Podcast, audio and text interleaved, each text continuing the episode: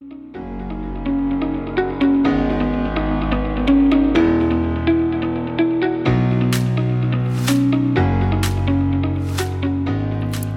och välkomna till ett helt nytt avsnitt av Lifetalk-podden med mig Karin Haglund, kost och hälsocoach och min man Anders Haglund, transformativ mental coach.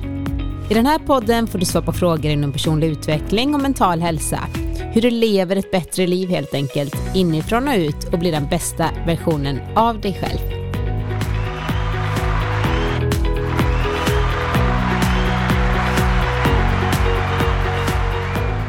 Hej Anders! Hej Karin! Då är vi tillbaka igen. Ja, det är vi ju. Ja. Det är ju helt otroligt. Kul! Sommaren har gått och det är dags för den nya höstsäsongen.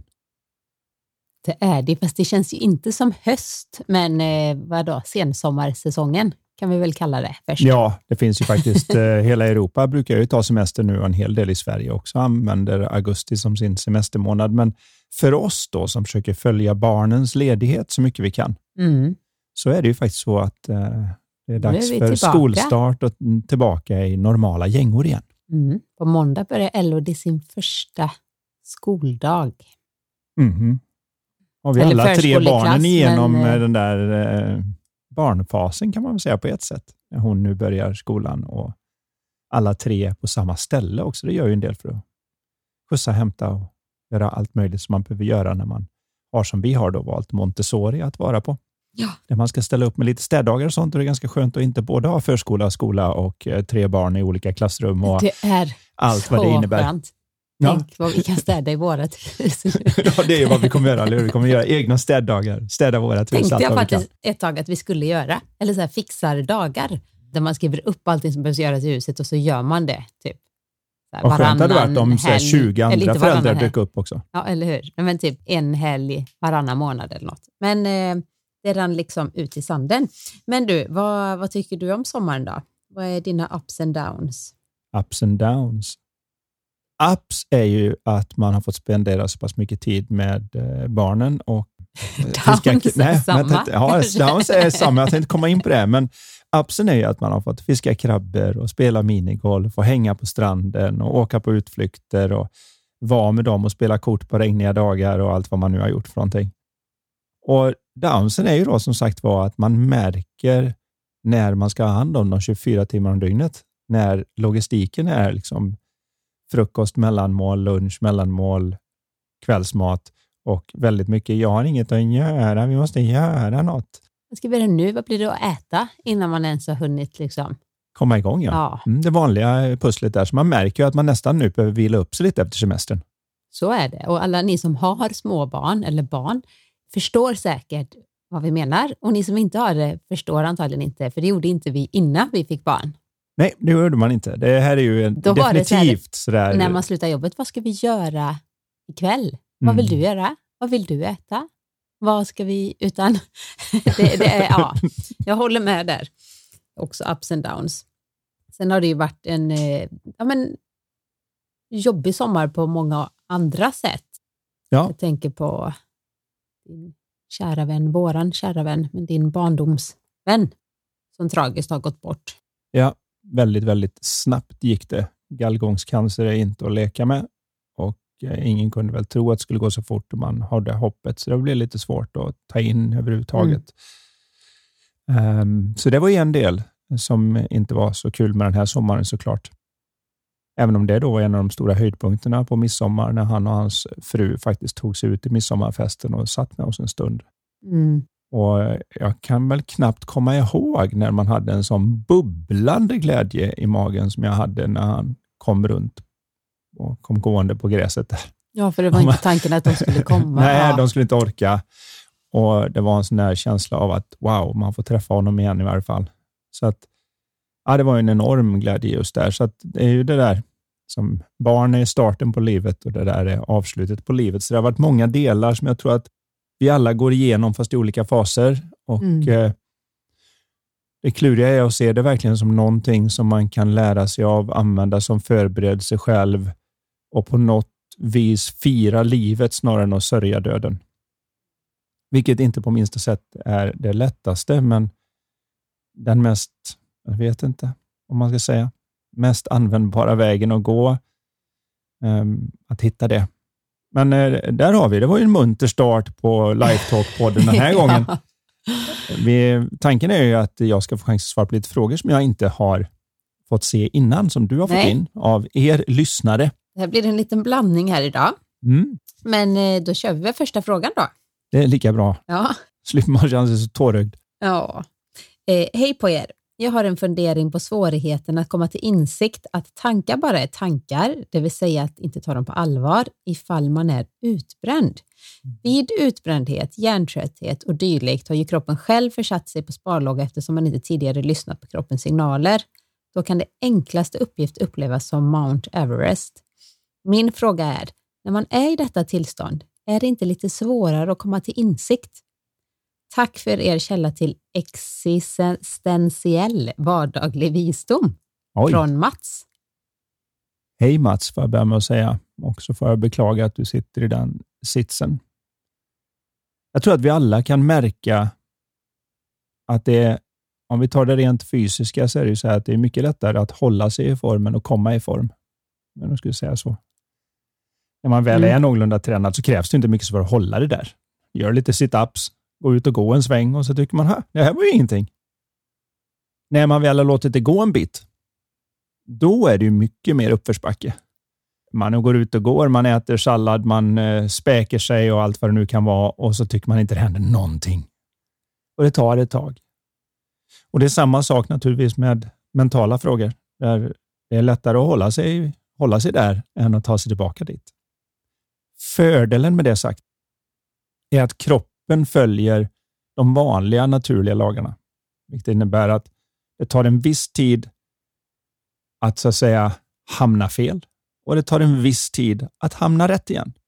Som tur är så verkar det som att det universum vi lever i är så snällt att man kan missköta sig i 20 år och bli ganska ohälsosam och sen behöver man bara sköta sig i kanske ett år så är man tillbaka nästan på startpunkten.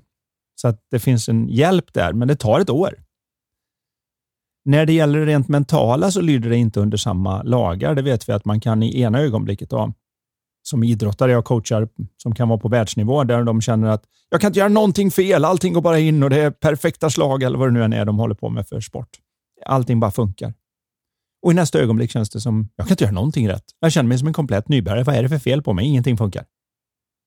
Så där finns inte den här som finns ute i den fysiska världen finns inte tidsaspekten. Den finns inte i det mentala. Man kan gå från i ett förhållande och titta på sin partner och tänka att det är det finaste som finns och jag älskar dem så mycket så jag kan inte ens förstå vilken tur jag har till att på en sekund gå över till varför är vi ihop. Det här är ju någonting som kan skifta mycket snabbare och det, det tycker jag är hoppfullt. Det kanske inte är så hoppfullt när man tänker på att det kan gå snabbt åt pipan. men, men det som är den sköna delen med det är att det också kan gå snabbt åt det andra hållet om man väl ser det. Återigen, det kanske då kan vara så att det känns lite svårare när man är på det där stället. Att det, det, känns mer som att nej, det är inte alls bara som jag tänker. Titta på min situation runt mig. Jag har ju det fruktansvärt jobbigt. Det hjälper inte om jag tänker annorlunda överhuvudtaget. Det är det att man ska också heller inte göra detta till en prestation. Jag tänker, har man blivit utbränd, det kan ju ligga lite i alltså, prestation som har gjort att, som har drivit dit, att man har inte lyssnat, inte varit så inkännande, inte lyssnat på kroppens signaler, så att säga lite kört över sig själv och det är ofta både mentalt och fysiskt som man har så att säga kört över sig själv. När man börjar förstå det och börjar lyssna mera inåt, så det, ing, det ligger ingen prestation i lyssnandet, utan snarare det är någonting som är väldigt naturligt när vi släpper to do, försöka eh, prestera, försöka förstå det här, försöka komma till insikt.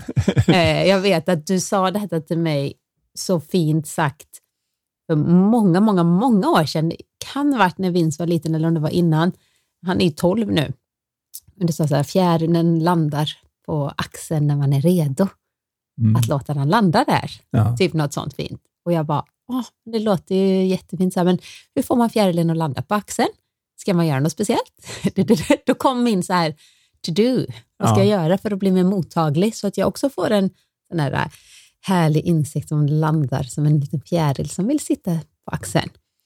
Och du var nej, det är när du släpper det så kommer du helt plötsligt bara en dag, nej men, jag har en fjäril på axeln.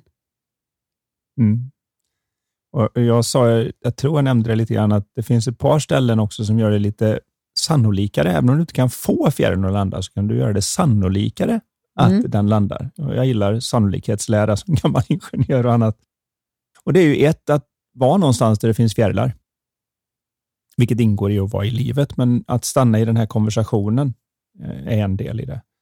Nummer två är att om man ens sitter i ett fjärilshus, om du får den att landa på axeln, så får man vara ganska still. Man kan inte vifta omkring och försöka en massa grejer. Om jag står så här, om jag fixar så här, om jag ändrar mig så här, om jag viftar med armarna, kom, kommer kom, du då? Kom, då? kom, kom. Ja, det gör inte någonting, utan det är, är lite grann i stillheten som, som det här kan landa. Nästa steg är också att se att för mig, och jag tror det här kan vara en bra sak för någon som kommer från utbrändhet, för jag har ju coachat några stycken som har haft den, det problemet, eller mer än några stycken. Och det är att när jag först började titta i riktning mot att vi lever i upplevelsen av våra tankar och inte i upplevelsen av våra omständigheter och situationer som vi alltid har blivit uppfostrade att det är. Så att livet i stort sett går ut på att skaffa bättre, upp, skaffa bättre omständigheter och hamna i bättre situationer så blir du lyckligare. När jag väl såg att det kom från tanken, då hoppade jag ganska snabbt in i att ja, då ska jag ha bättre tankar. Nu ska jag se till att tänka bättre. Mer positivt, mindre negativt. Det är vad det handlar om. Men det är ju naturligtvis inte vad det handlar om, för då blir det ju bara mer tanke igen. Då försöker man ju fixa till omständigheter, fast in i huvudet istället. Så när nästa insikt kom och jag såg det där, då blev jag väldigt förvånad över att jag hade en ganska lång period där jag tyckte att jag mådde sämre. Och Skälet till att jag tyckte att jag mådde sämre var att innan var jag lyckligt ovetande om hur mycket mina tankar stormade i huvudet. För jag hade aldrig märkt av dem innan, för jag tyckte ju att det var utsidan som stormade. Kolla vad fort det går där på utsidan. Jag såg ju inte att när det går fort på insidan så ser utsidan väldigt hektisk ut. Och att när det är lugnare på insidan så ser det lugnt ut. Det hade jag ingen aning om, utan jag trodde det var tvärtom. Det är ju det att när det är hektiskt där ute så är jag hektisk här inne för att hänga med. Så när det väl blev lite lugnare så var det som att hälsa på någon som bor vid en flygplats. Och när man kommer in där och hör planen som bara Wush, wush, man tänker, hur herregud, hur kan du bo här? Och den som bor där säger, vadå? Jag hör inget. Nej, för deras hjärna har stängt av det för det är där hela tiden. Men när man hälsar på så tänker man, det går inte att bo i det här oljudet. Hur fixar du det? Skallrar i väggarna och brötar. Precis så var det jag hade liksom bott i det så länge att jag inte hade en aning om, om någon hade frågat mig så här att har du mycket, liksom, har du mycket tankar på gången? Nej, det händer ingenting där uppe. Tycker mest jag går och kollar på grejer. Och så när jag gjorde insikten om det här med tanken och hur den påverkar oss ögonblick till ögonblick, så blev jag plötsligt medveten om hur mycket det tänktes där inne. Vilket jag inte hade varit innan. Så jag hade en jag hade en bra stund där, där jag liksom kände liksom, oh, jösses, shut it off. Liksom. Mm. Vad är det som bråkar här inne? Jag kommer ihåg då när jag hade ett, eh, ett Zoom-samtal med Dr. George Pransky som jag hade lite som mentor ett tag och hade lite samtal. Vi skulle även tagit han hit till Sverige och vi skulle gjort ett seminarium tillsammans. Nu blev inte det av för att han eh, fick lite hälsoutmaningar som gjorde att han inte ville resa och annat. Eh, plus att vi hade pandemi ovanpå det sen. Men, ja, men det var, det var många ja. det var tidigare ja, men det, så. Men ja, men det var inte så länge sedan jag gjorde det här. Men då, Nej, okay. då pratade han just med mig om det när vi diskuterade hela och då sa han det att det, det handlar inte om att acceptera och vara okej okay med tankarna, utan det är att man faktiskt inte bryr sig om vilka som är där. Att det blir mera att när man väl ser tanke för tanke så bryr man sig inte om vad som är där därför att vad det än är, är uppkommet ur vår förmåga att tänka. Det blir lite grann som den gyllene gåsen som la, de, la guldäggen. Man är ju väldigt glad att få guldägg. Det fixar hela en ekonomi och allt vad det nu kan vara. Om ett och annat av dem kom ut och inte var ett guldägg, eller om ett annat kom ut med lite guano på, vilket är det fina ordet för fågelbajs. Mm, jag tänkte, vad var det för vackert ord? ja, det. Men det, det, fina ordet för fågelbajs är guano. Det kan man sälja ganska bra för därför att innan vi kom på hur man kemiskt eh, eh, gjorde saker med åkrar så det skulle växa bättre, alltså när man gödslar och så, så var guano det absolut mest kväverika man kunde använda. Så det kunde man sälja dyrt, den här metertjocka grejerna på vissa öar där det fanns mycket fåglar. Men oavsett, jag pratar om annat här nu, nu får ni hänga med. Så är det ju så att om det nu kommer ut med lite guano på, så klagar du inte på det, du bara torkar av det, för du vet att det är ändå ett guldägg. Och i förhållande till tanken så är det där, vad spelar det för roll om det kommer en och annan negativ tanke, en och annan psykotanke, en och annan ångestladdad tanke. När du har den gyllene gåsen, vilket är att du kan tänka. Om du bara väntar så kommer det en ny tanke, därför att du har gåsen som lägger de gyllene äggen. Och om du bara låter gåsen värpa sina ägg så kommer det alldeles strax ett guldägg som säger wow, du kan göra det här så kan du tjäna en miljon. Du kan göra det här så kan du få din partner att känna sig älskad genom att skriva en liten lapp och sätta där. Du kan göra det här, det kan göra det här. Den kommer hålla på. Nu kan det i sig vara en press. Jag tror det var en av dina största insikter vad det gäller det här var ju det att det inte behövde vara en massa negativa tankar som man tog på allvar. Nej, det kommer jag ihåg. Vi var över i England.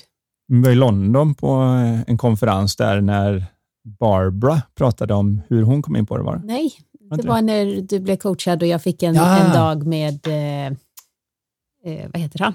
Nu står det still.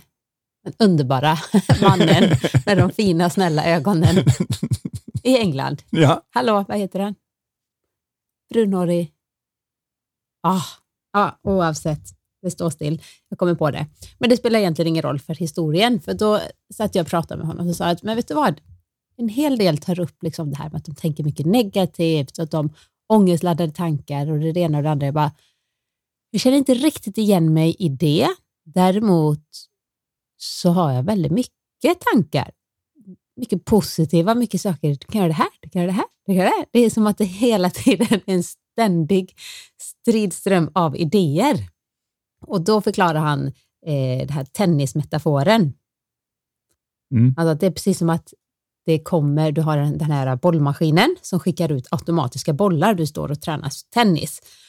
Om du träffar varenda boll så kommer maskinen skicka ut bollarna fortare, fortare, fortare, fortare och du springer så, så på varje boll. Och det är det som du kanske upplever nu. Men om du däremot miss, inte springer på varje boll, det vill säga att du inte tar varje tanke på allvar, utan Åh Karin, du kan göra det här nu, när du sitter så bara, jaha. Så du behöver inte agera på varje tanke. Så kommer den här tennismaskinen sakta ner. Och det, det var en jättestor eh, grej. Så nu kan jag sitta ner och äta frukost och så läser jag någonting och så tänker jag, åh, det måste jag kolla upp. Eller det måste, eller måste det här vill jag. Och, det, och så låter jag det liksom, ja, vi får se. Kanske mm. kommer på det sen eller så gör det inget. Alltså jag, jag låter det passera och det är väldigt mycket lugnare. Eh, och då och en, blir ju jag lugnare som person. Ja. Och En sak som jag tänkte då att jag skulle låta dig komma på senare var ju att han heter Dr. Aaron Turner. Ja, tack. Eh, vi har ju till och med haft seminarier ihop ja, med honom. Men jag kände ju honom, men det stod helt still. så kan det vara. Mm. Det är det där med tanke igen. Jag såg ju honom framme och tänkte, du ser de snälla fina ögonen, för han verkligen Ja, det var det som drog mig till honom när jag tog kontakt. i hans ögon. Ja, man ser att Underbar han har människa. någonting som är något extra. Att, eh, kan vi varmt rekommendera. Oftast är det ju så här. Han har väl någonting som heter One Thought Institute borta i London, där han hjälper mm. människor med de här insikterna. med honom, för det mm. var ett tag sedan nu. Ja, det var det. Som sagt var, en pandemi och man har tappat en hel del. Bara det här var liksom, kontakter och man reste och man träffade folk. Och, Jaha. Så. så är det ju. Men det är just precis den där att man faktiskt inte måste slå på varje boll som åker över nätet. är väldigt stor. Men för att klara av att göra det, för vad jag har börjat mer och mer i min coaching och annat att titta på, som jag har märkt hjälper människor, är att titta på, inte förklara att så här är det, utan mera, vad är det som gör det möjligt att låta det hända?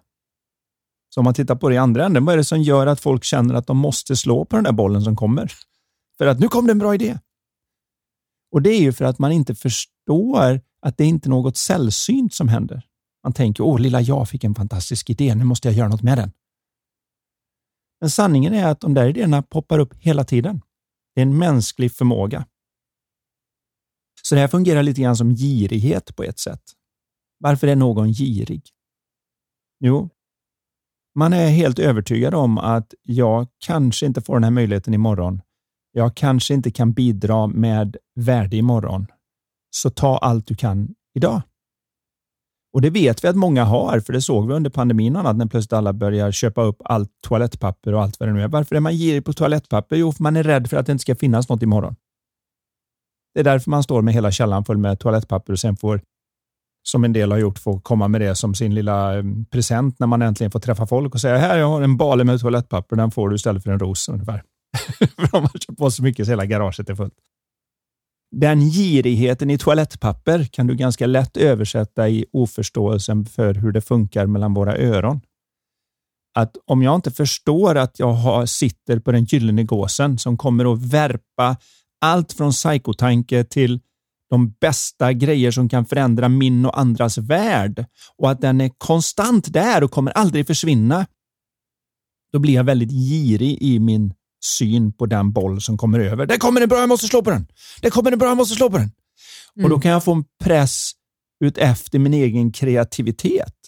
Alltså den mänskliga kreativitetens ådra som gör att vi när som helst kan få någonting som om vi handlar på det kan skapa något fantastiskt i världen. Och Det är klart att man, det ligger någonting naturligtvis i att man ska smida medan järnet är varmt, för att om du nu väntar och inte gör något med den tanken så är den ju borta och allt du vet är att den var briljant. Men när man är, som vi säger, det vi pratar om mycket i podden, mentalt klar, så vet du lite vilka tankar eller idéer man i nuet ska ta tag i och vilka man automatiskt bara låter gå. Och också att även om det finns någonting som man kanske på ett sätt borde ta tag i, så är det helt okej okay att släppa den för det kommer en ny. Ibland kan man ta den till hela vägen till shopping, där man under de här tiderna efter midsommar så rear alla möjliga ut och plötsligt så kanske det där plagget som man alltid har suktat efter är väldigt billigt. Ja, det är möjligt, men det enda som händer är att nästa år är det likadant igen. Och till hösten är det likadant igen, för då är det mid-season sale och sen är det Christmas där, sale. Där och sen är det... Så att man, man menar just det där att även om det är hundra och annat, det gör inget. Det enda som händer om du inte köper det är att du har kvar pengarna och att mm. det kommer en ny möjlighet senare. Men många köper ju plagg och saker också som inte ens är hundra. Där har vi en regel att vi måste känna så här, ja men det här är hundra, det är inte 99,5 procent rätt, utan det ska vara hundra. Det är mm. inte, ja men den sitter kanske lite, men alltså här kan man nog, nej okej, okay. inte hundra, släpp det. Och samma med att den är, är användbar och har funktion. Precis. För det är ju samma då när vi får de här andra idéerna. Är det just nu ett bra tillfälle i livet där jag har möjlighet att ta tag i den här tennisbollen som kommer vinande över nätet? Det kanske inte är det om man sitter med tre barn och så vidare och springa på just den bollen nu. Men då är det skönt att veta att det kommer komma en annan boll som kanske passar för den här eller att jag kan göra om den. Samtidigt som jag förstår att kommer det en som är verkligen sådär wow, det här världen, det börjar liksom kännas i magen överallt att det här vill jag ta tag i, det här. Ah, vilken möjlighet, den skrämmer mig nästan. Då är det självklart, spring, gör vad du kan, starta upp den. Den är ett frö som om du inte tar hand om den kommer dö innan den fick chansen att växa. Men om du ger den vatten, om du ger den näring, om du ställer den i solskenet så kan det växa och bli till den vackraste ek eller tomatplanta eller vad det nu är man har fått. Men det gäller att se den här hur det fungerar. Så vad vi pratar om här är ju mer att man förstår hur det faktiskt fungerar. För då finns det inget girigt längre. Så länge jag är medveten om att jag kan alltid bidra med värde igen imorgon, för det är ju det folk betalar för, så behöver jag inte vara girig idag. Och Det är lätt i dessa osäkra tider, speciellt när man känner det. Jag menar, det är ju som för mig själv. År 2020 i mars så fick man allt avbokat. Varenda föreläsning, allting man lever på bara köp bort. Och Då kan det ju nästan kännas som att man skulle ta vilket uppdrag som helst, bara, bara få det. Ta allt. Om det dyker upp ett så måste du ta den. Samtidigt så vill man ju inte säga, göra våld på sig själv bara för det och vara girig i den, utan man vill ju ta det uppdrag som passar mig, där jag kan göra värde och göra skillnad för den mm. som så det blir nu rätt vill komma. Så det blir rätt parter. också, eller hur? Så det, så det blir en äkta vinn-vinn. För annars, annars står man där med något karbonpapper och gör något annat än det som jag anser att man gör när man ska bidra med maximalt värde för att jag har något unikt, för att jag är jag och delar med mig av som göra skillnad för andra. Mm. Och allt det vi har pratat om nu, det är inte så att det, det sker ju lite per automatik. Jag behöver aldrig på daglig basis tänka, åh vad tänkte jag fick jag idé nu, ska jag springa på den idén eller inte? Utan det, det bara är en liksom, det bara sker. Vi försöker sätta lite ord på det, eh, på något som egentligen inte går att sätta ord på. Och Då får man använda metafor. Och för att då återknyta till Mats och hans fråga mm. om utbrändhet och svårigheter här, eh, för det här kan ju verka vara en väldigt lång promenad runt frågan som katten kring het gröt eller någonting. Men sanningen är att man får vara öppen, nummer ett, för att jag när som helst, även i vad som kan verka vara en tuffare situation, kan få det där gyllene ägget som vänder på det, därför att nu plötsligt såg jag att ska det här göras så får jag göra det.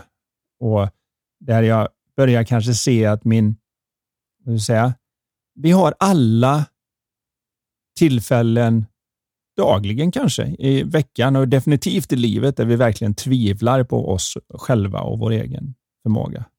Och Många tar den känsla som kommer med självtvivel och ser den som ett stopp.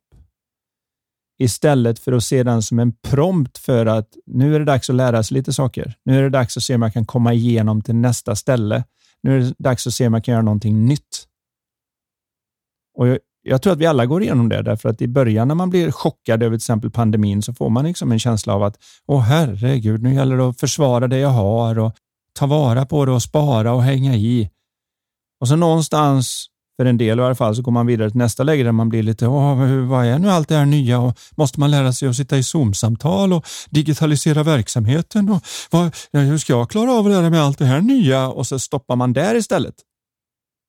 Men det är om man kan kliva igenom den, om man kan ta sig vidare till nästa ställe, som man verkligen får den där äkta chansen att ta sig, vad ska vi säga, att ta ett steg framåt som gör att man får den förändring som behövs för att klara sig i den nya tillvaro som det innebär med all förändring och allting som vänder upp och ner på tillvaron så som det här har gjort.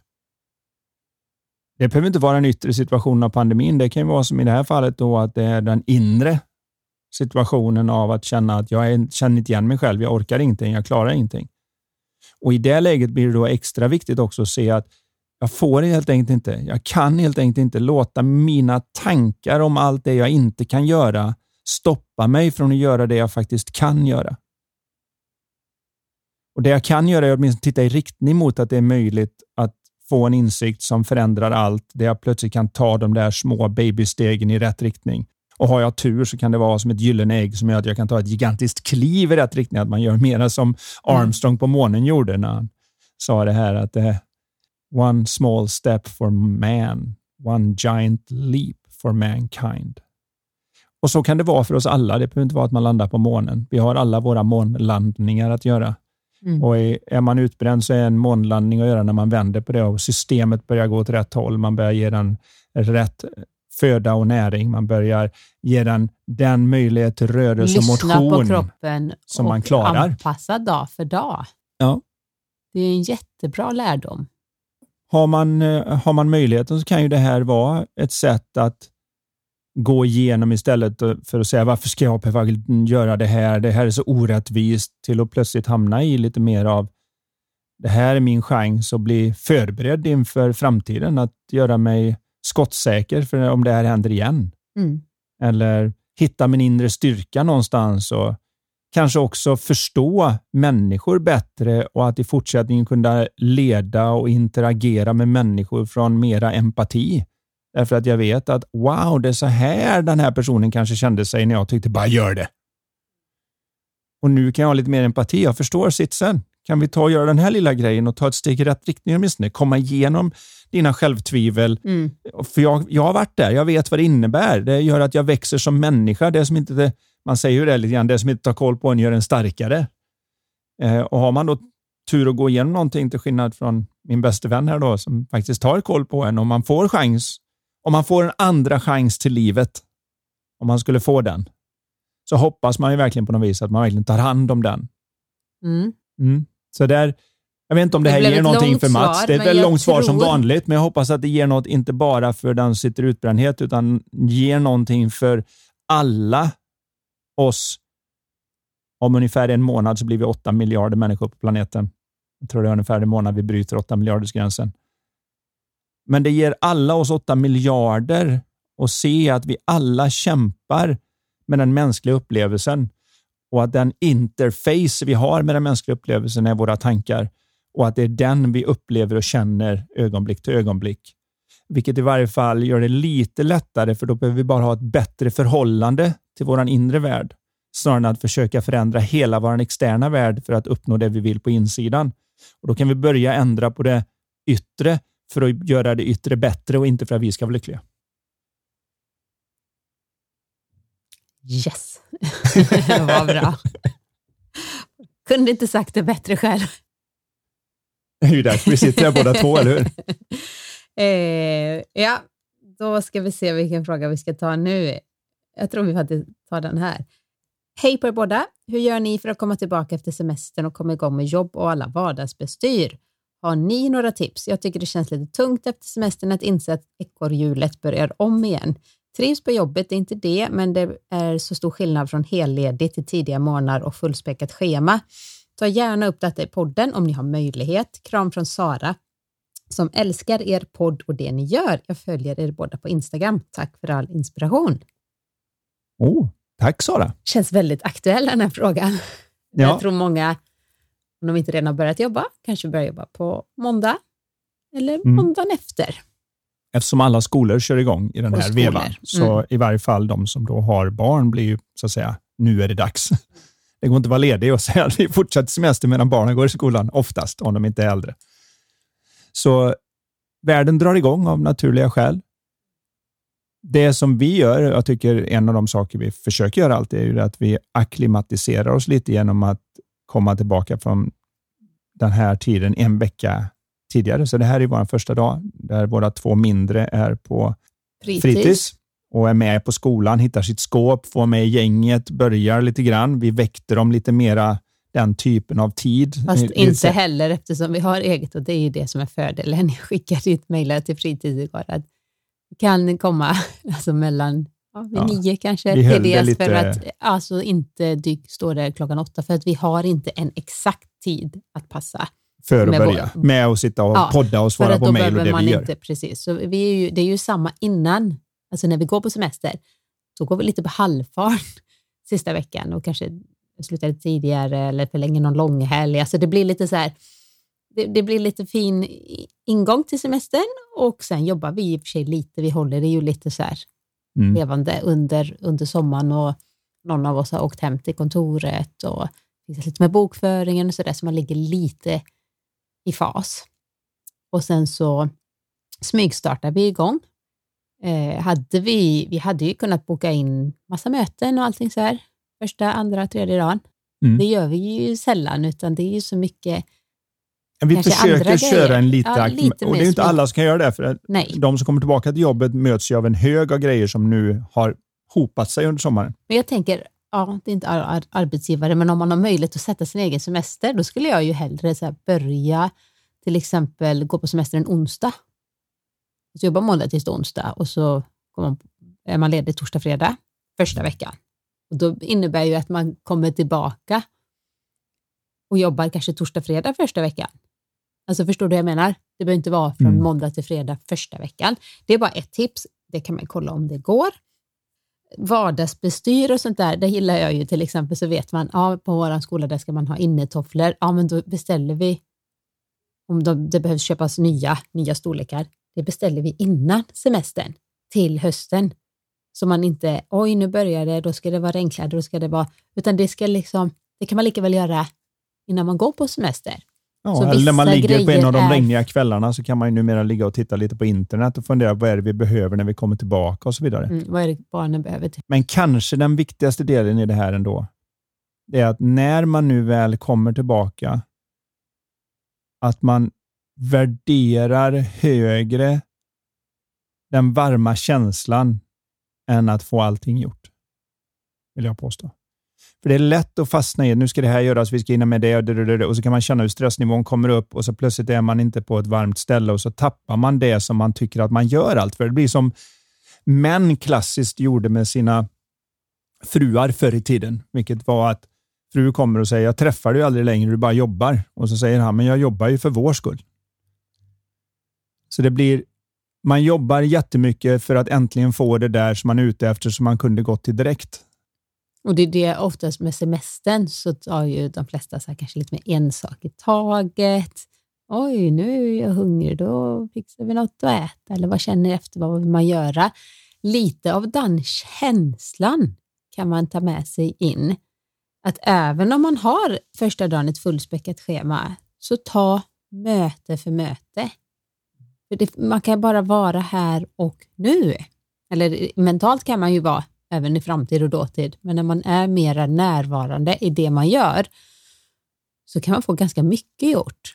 Och här är, här är då där som vi var inne på, på den första frågan som vi svävade ut, eller jag svävade ut. Och det är ju det, vad är det som gör det möjligt då? För jag menar, jag har haft ett, en, en tränare för ett elitlag som kom till mig och sa Anders, jag behöver prata med dig lite grann här om en, grabbarna som inte gör vad de ska riktigt. Så, ja, vad är det största problemet? Ja, men de behöver lära sig att ta en match i taget. Och sa, eh, okej, okay, men hur många matcher i taget tar ni nu då?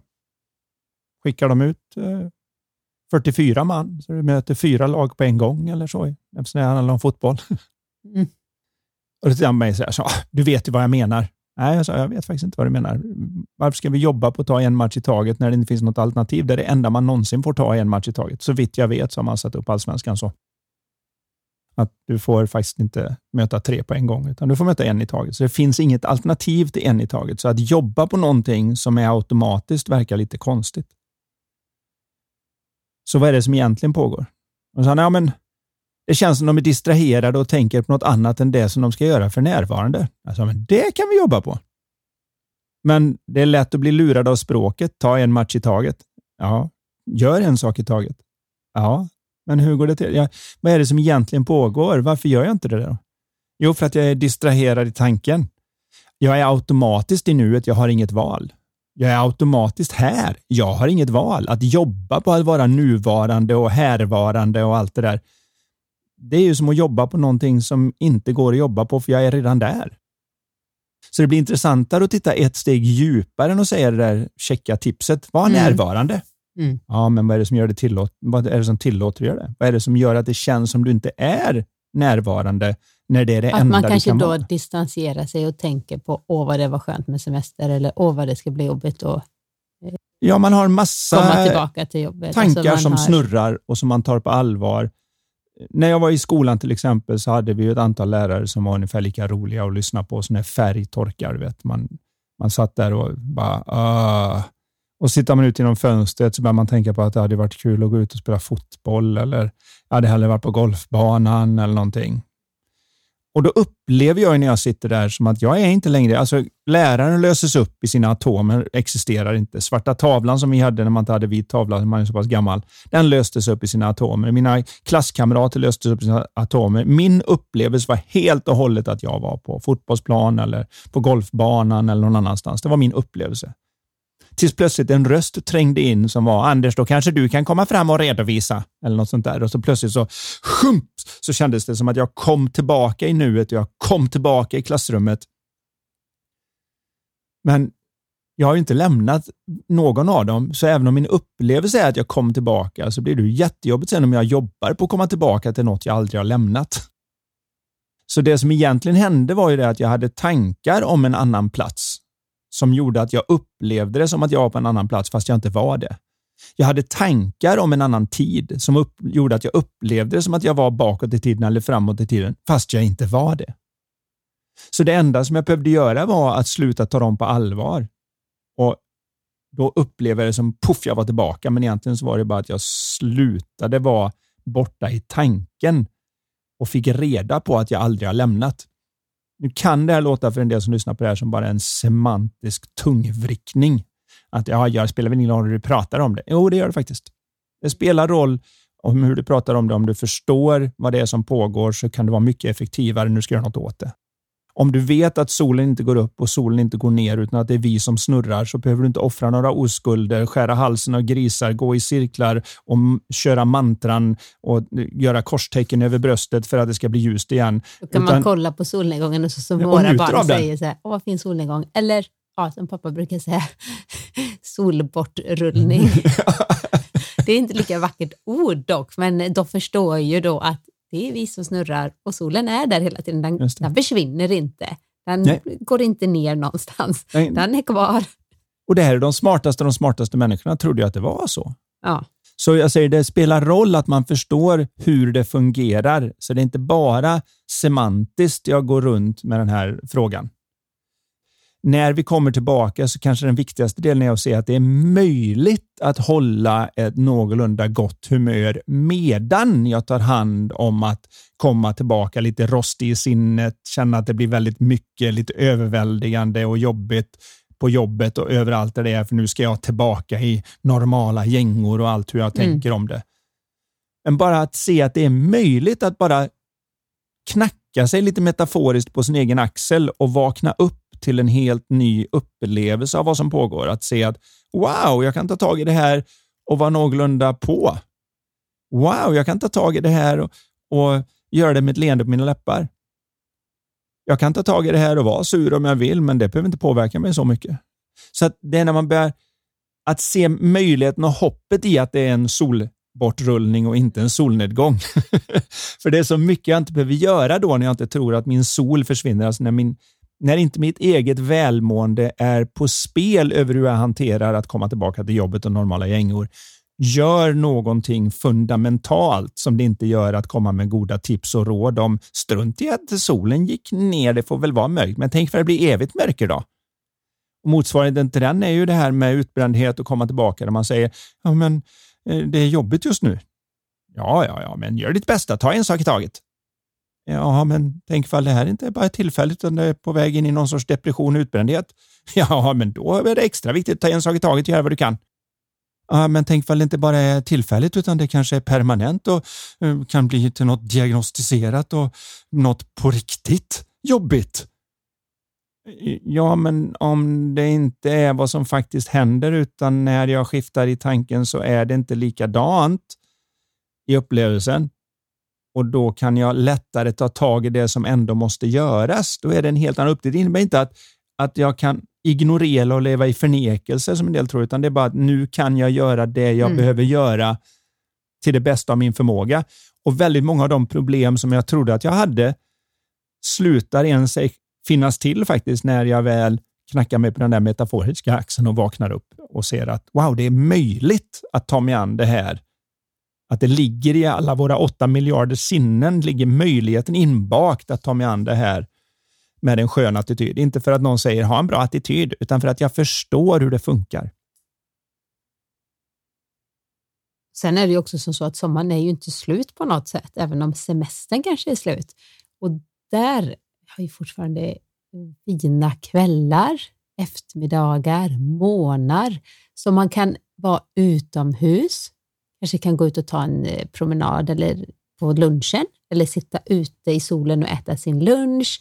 Alltså man kan eh, plocka massa bär och förgylla sin frukost och så vidare. Allt det där man gillar med semestern kan man försöka ta lite guldkorn och ha, ha liksom, implementera i arbetsveckan.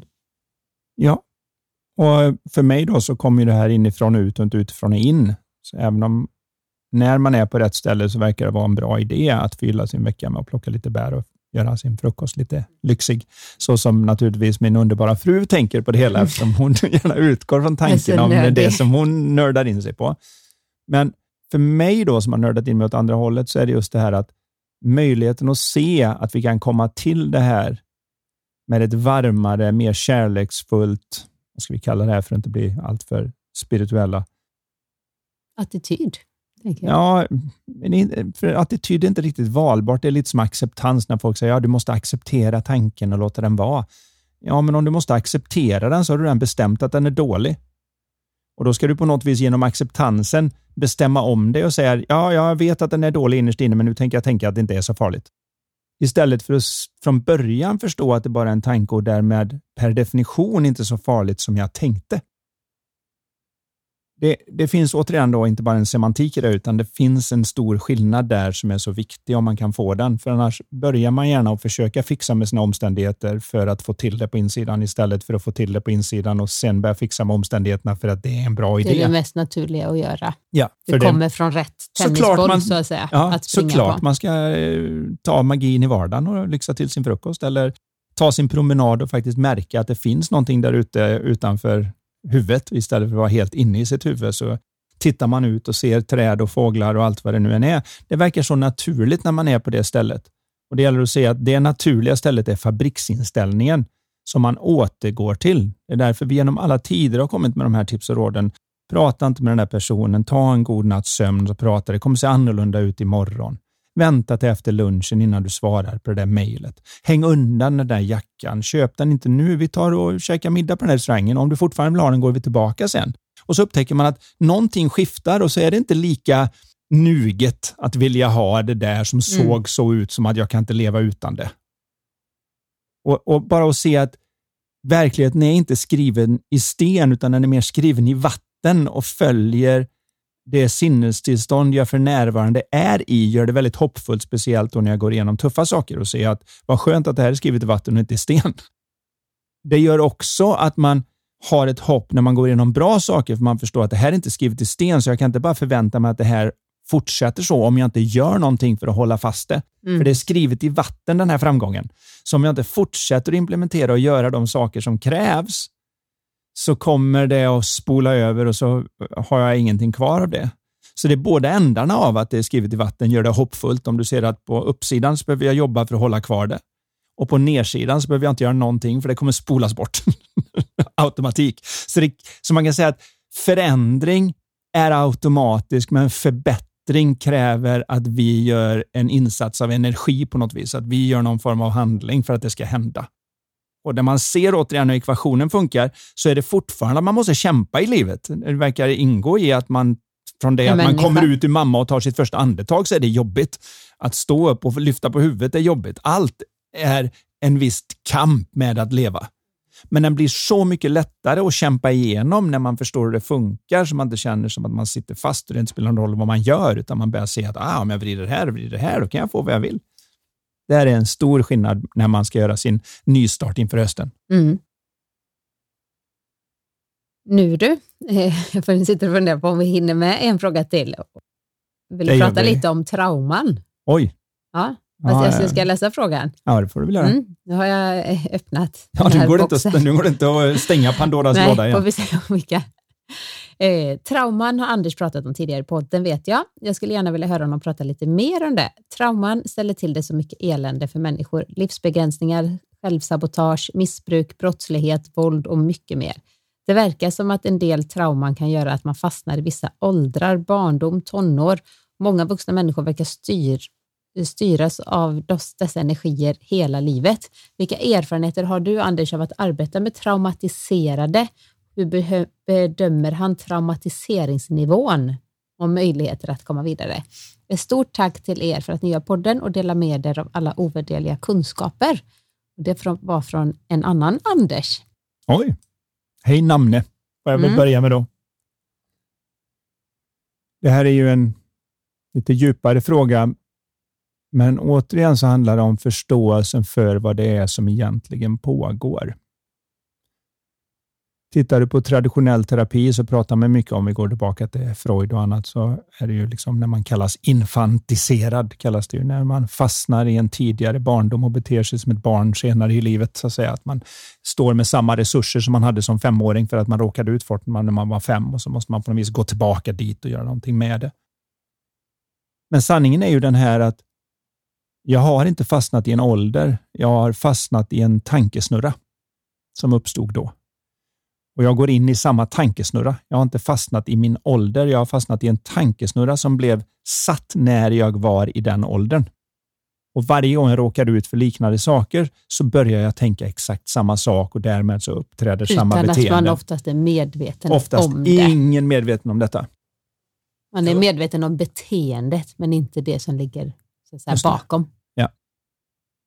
Jag jobbade för många år sedan och det här är ju innan till och med jag gjorde de här insikterna som vi pratar sent 90-tal.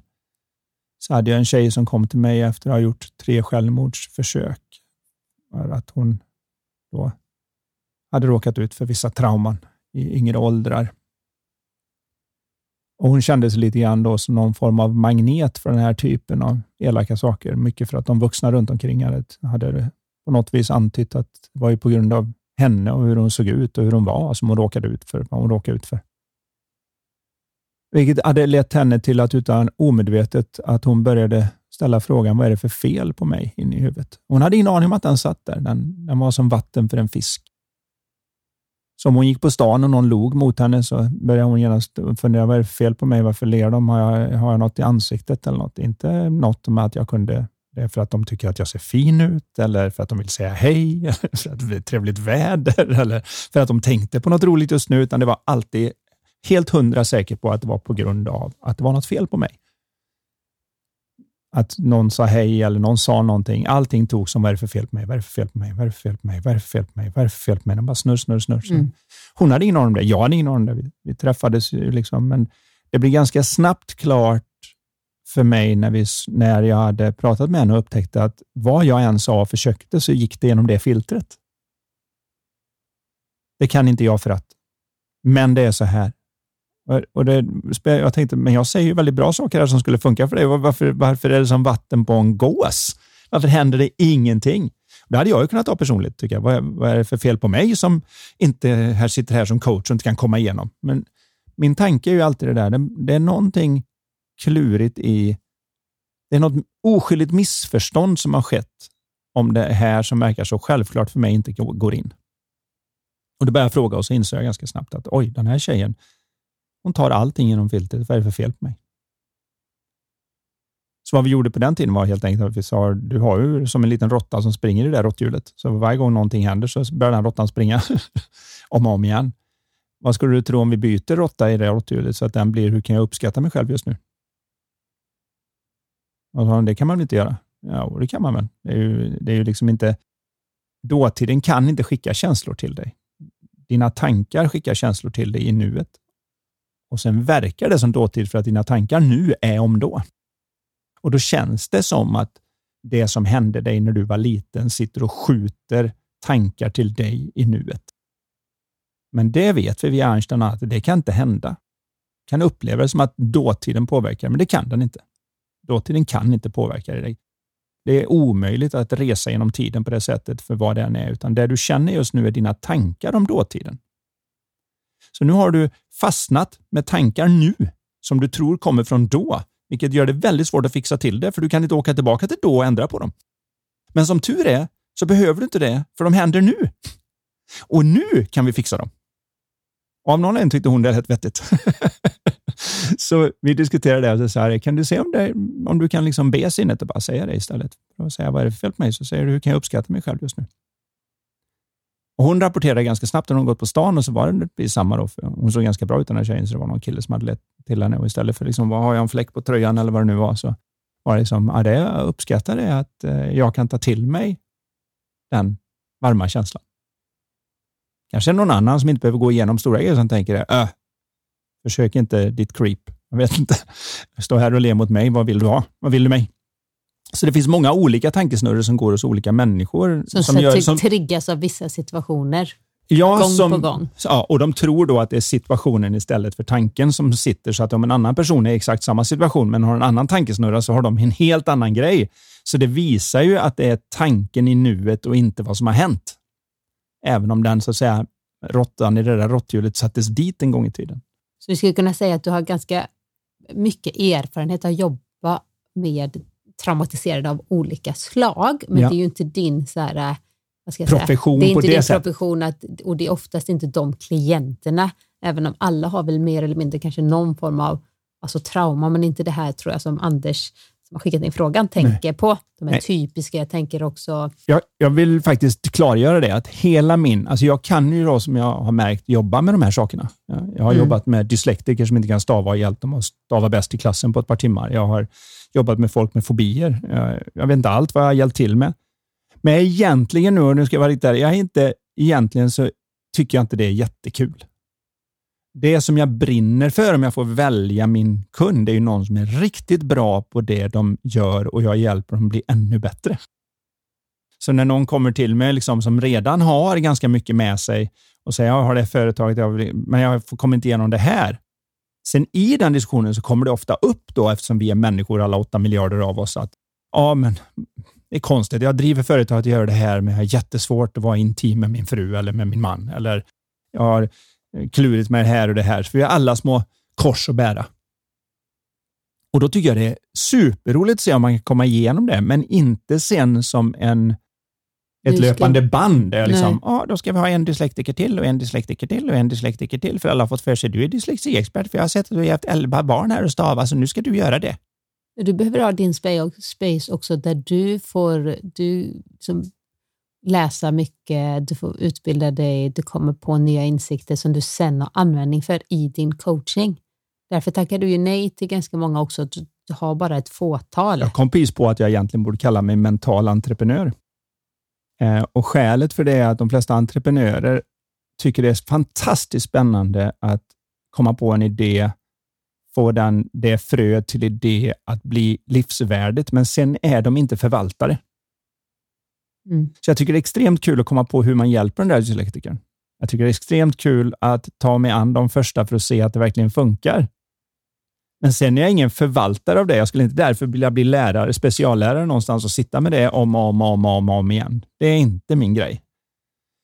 Samma när jag coachar så tycker jag det är så kul att jag sitter med någon VD på någon global firma nere i Singapore och så har jag i nästa stund någon tennisproffs eh, som, från Malmö som vill ha hjälp med en grej. Och så har man något golfproffs borta i USA och så har man någon, eh, någon chef borta i Los Angeles och så har de helt olika grejer och börjar se att det finns lite mönster mellan vad de faktiskt står inför och hur det funkar.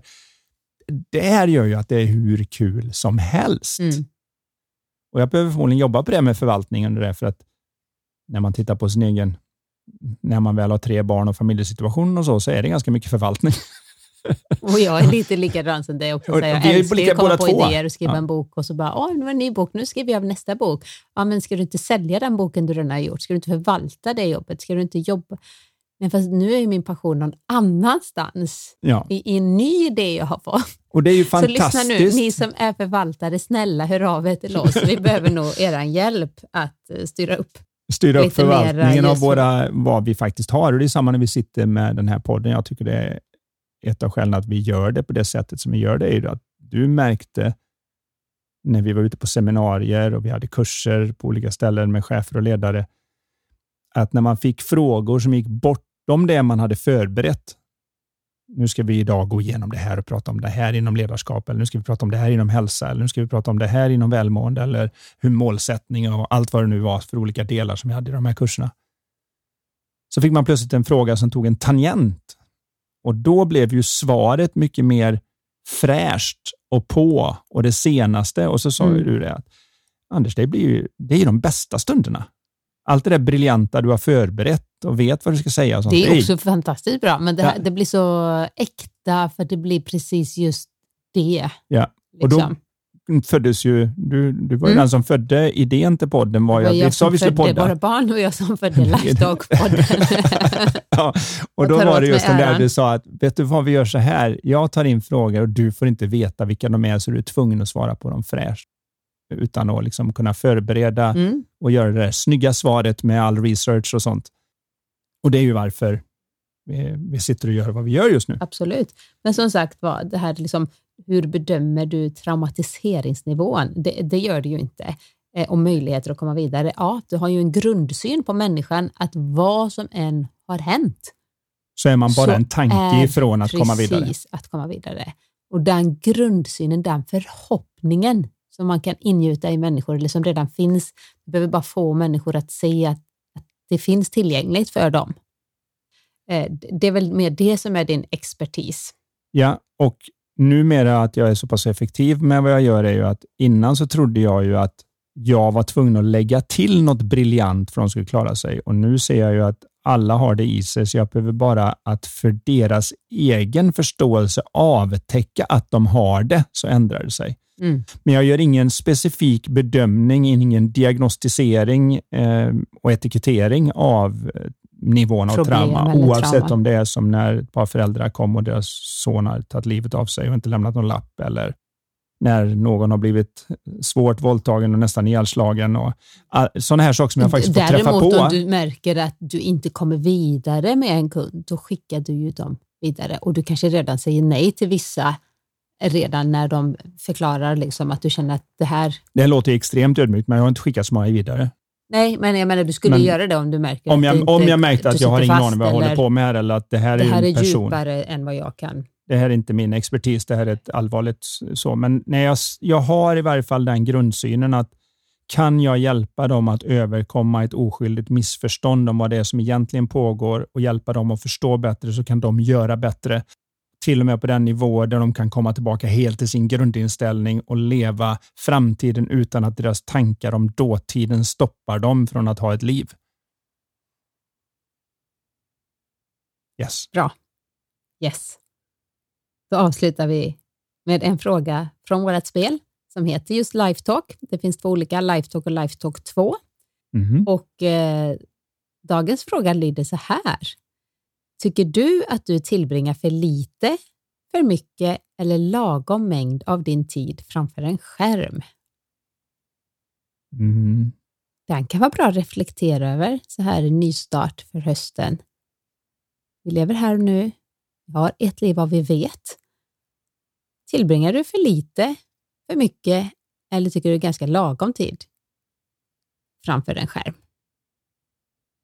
Mm. Det var inte svårt att svara på för min del. Kan jag, säga. jag tycker det är för mycket. Mm.